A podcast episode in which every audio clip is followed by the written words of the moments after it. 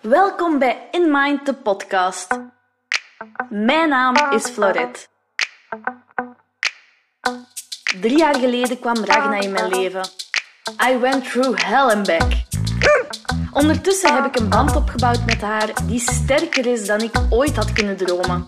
Nee, ze is niet perfect. Ik ook niet. Niemand is perfect. In deze podcast vertel ik over de druk die we op onszelf leggen en op onze honden. Maar het kan anders. Ik deel graag met jou mijn visie over het opvoeden van honden, natuurlijk samenleven. Mijn ogen zijn geopend en ik hoop dat ik ook jou kan inspireren om kritisch te kijken naar onze maatschappelijke verwachtingen. Welkom bij de kritische denkers, die niet zomaar aannemen dat ze dingen moeten doen.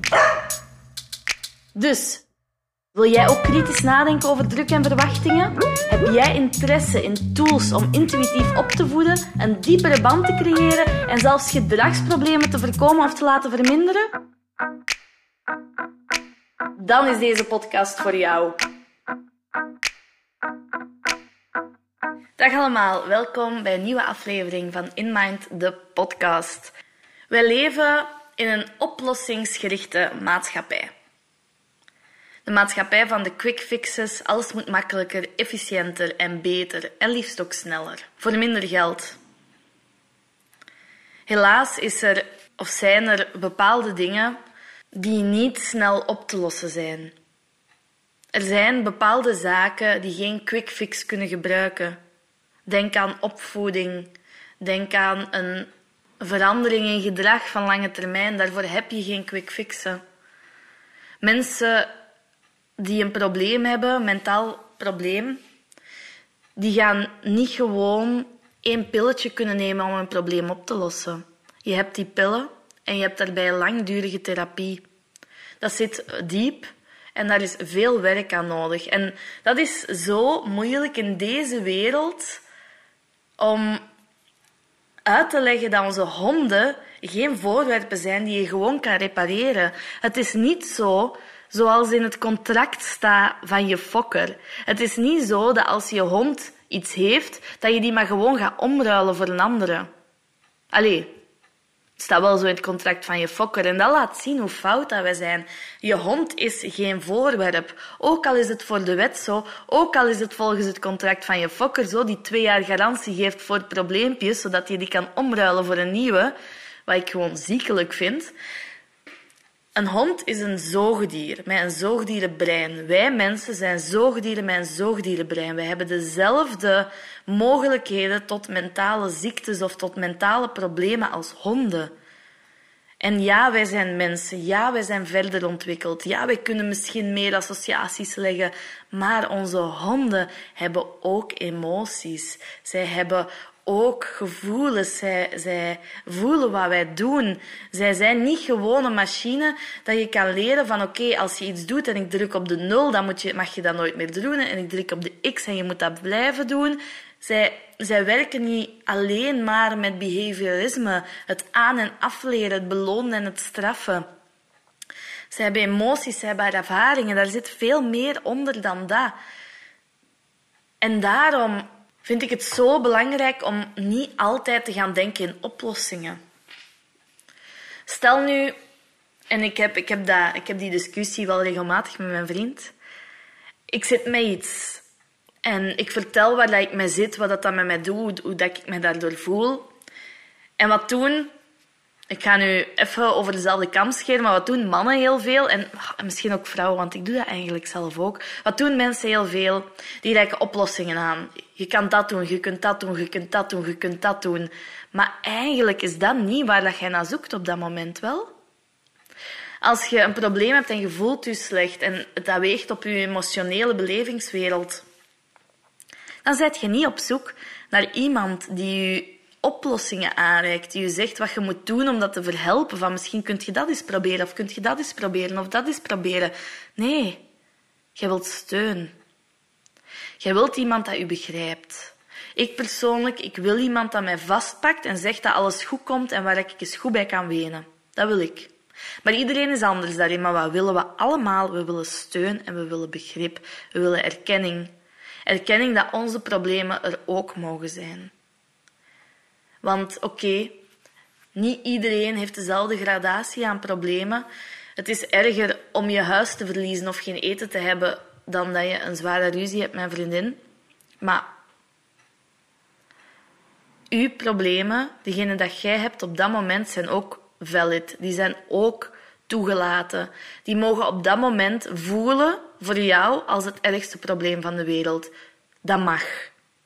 En jij wilt gewoon eventjes steun en erkenning daarin. Dus geen oplossingen. En ik zeg, dat is niet anders bij honden. Die hoeven geen oplossing voor elk probleem. Die hebben steun nodig, erkenning nodig.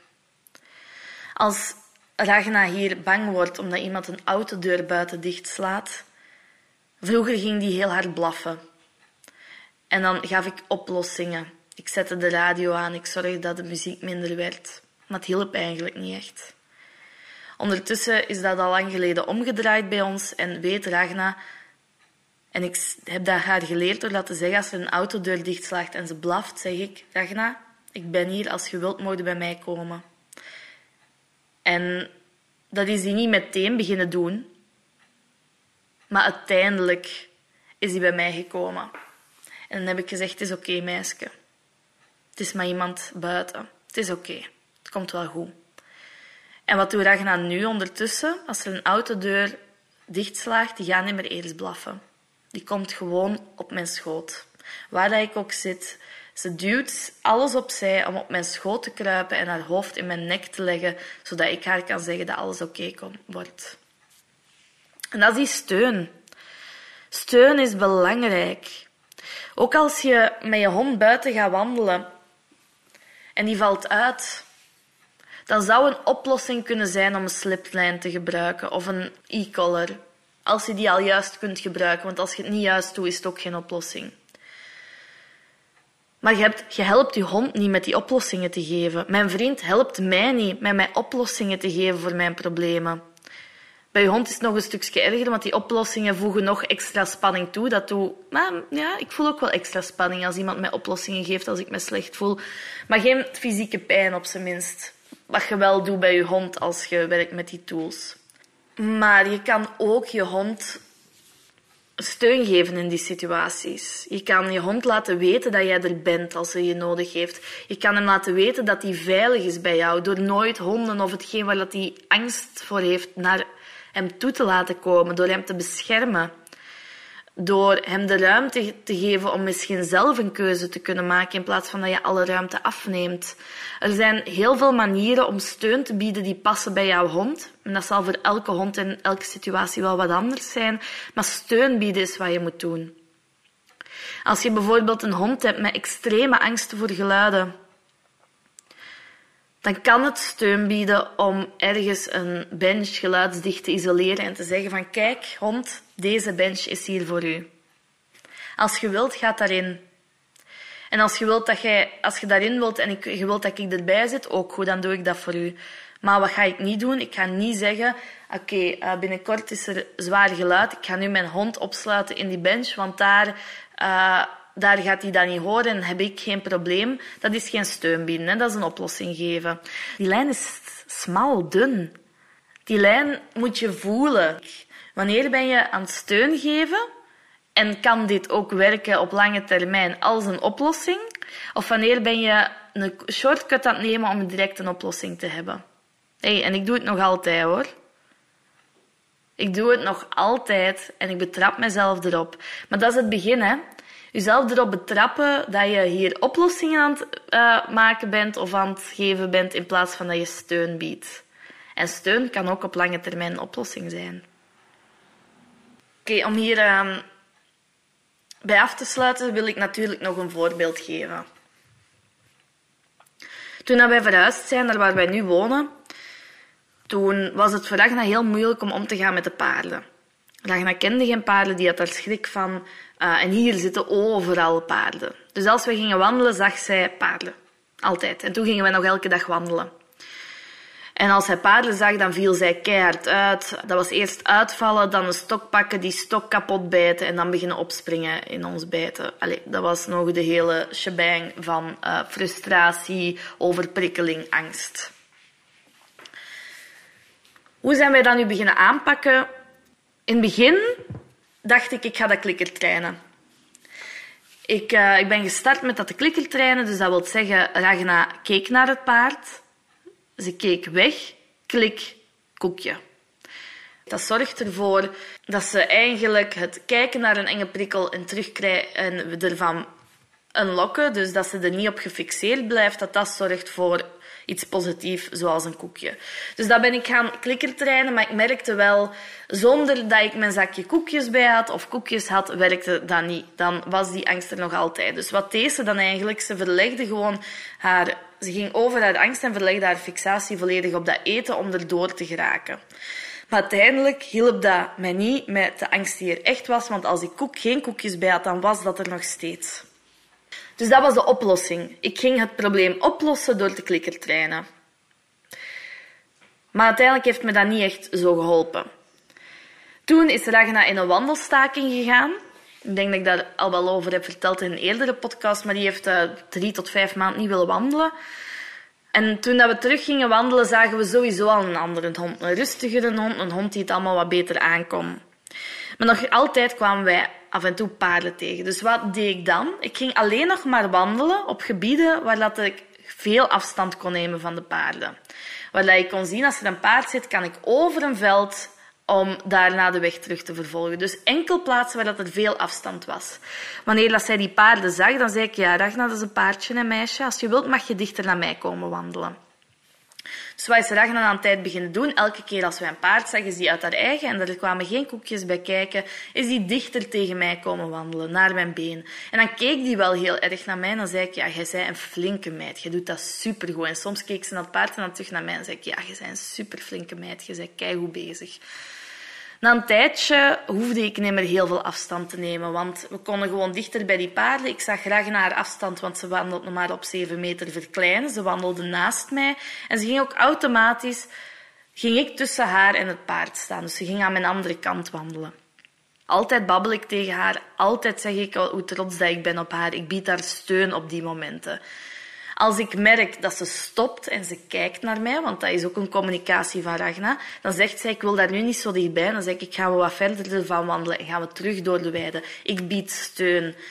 Zij zegt van, op deze moment ga ik het niet aankunnen, oké, dan nemen we meer afstand. Als ze dat ook niet wilt, oké, dan gaan we terug steun bieden, er zijn voor uw hond en wat dat hij nodig heeft.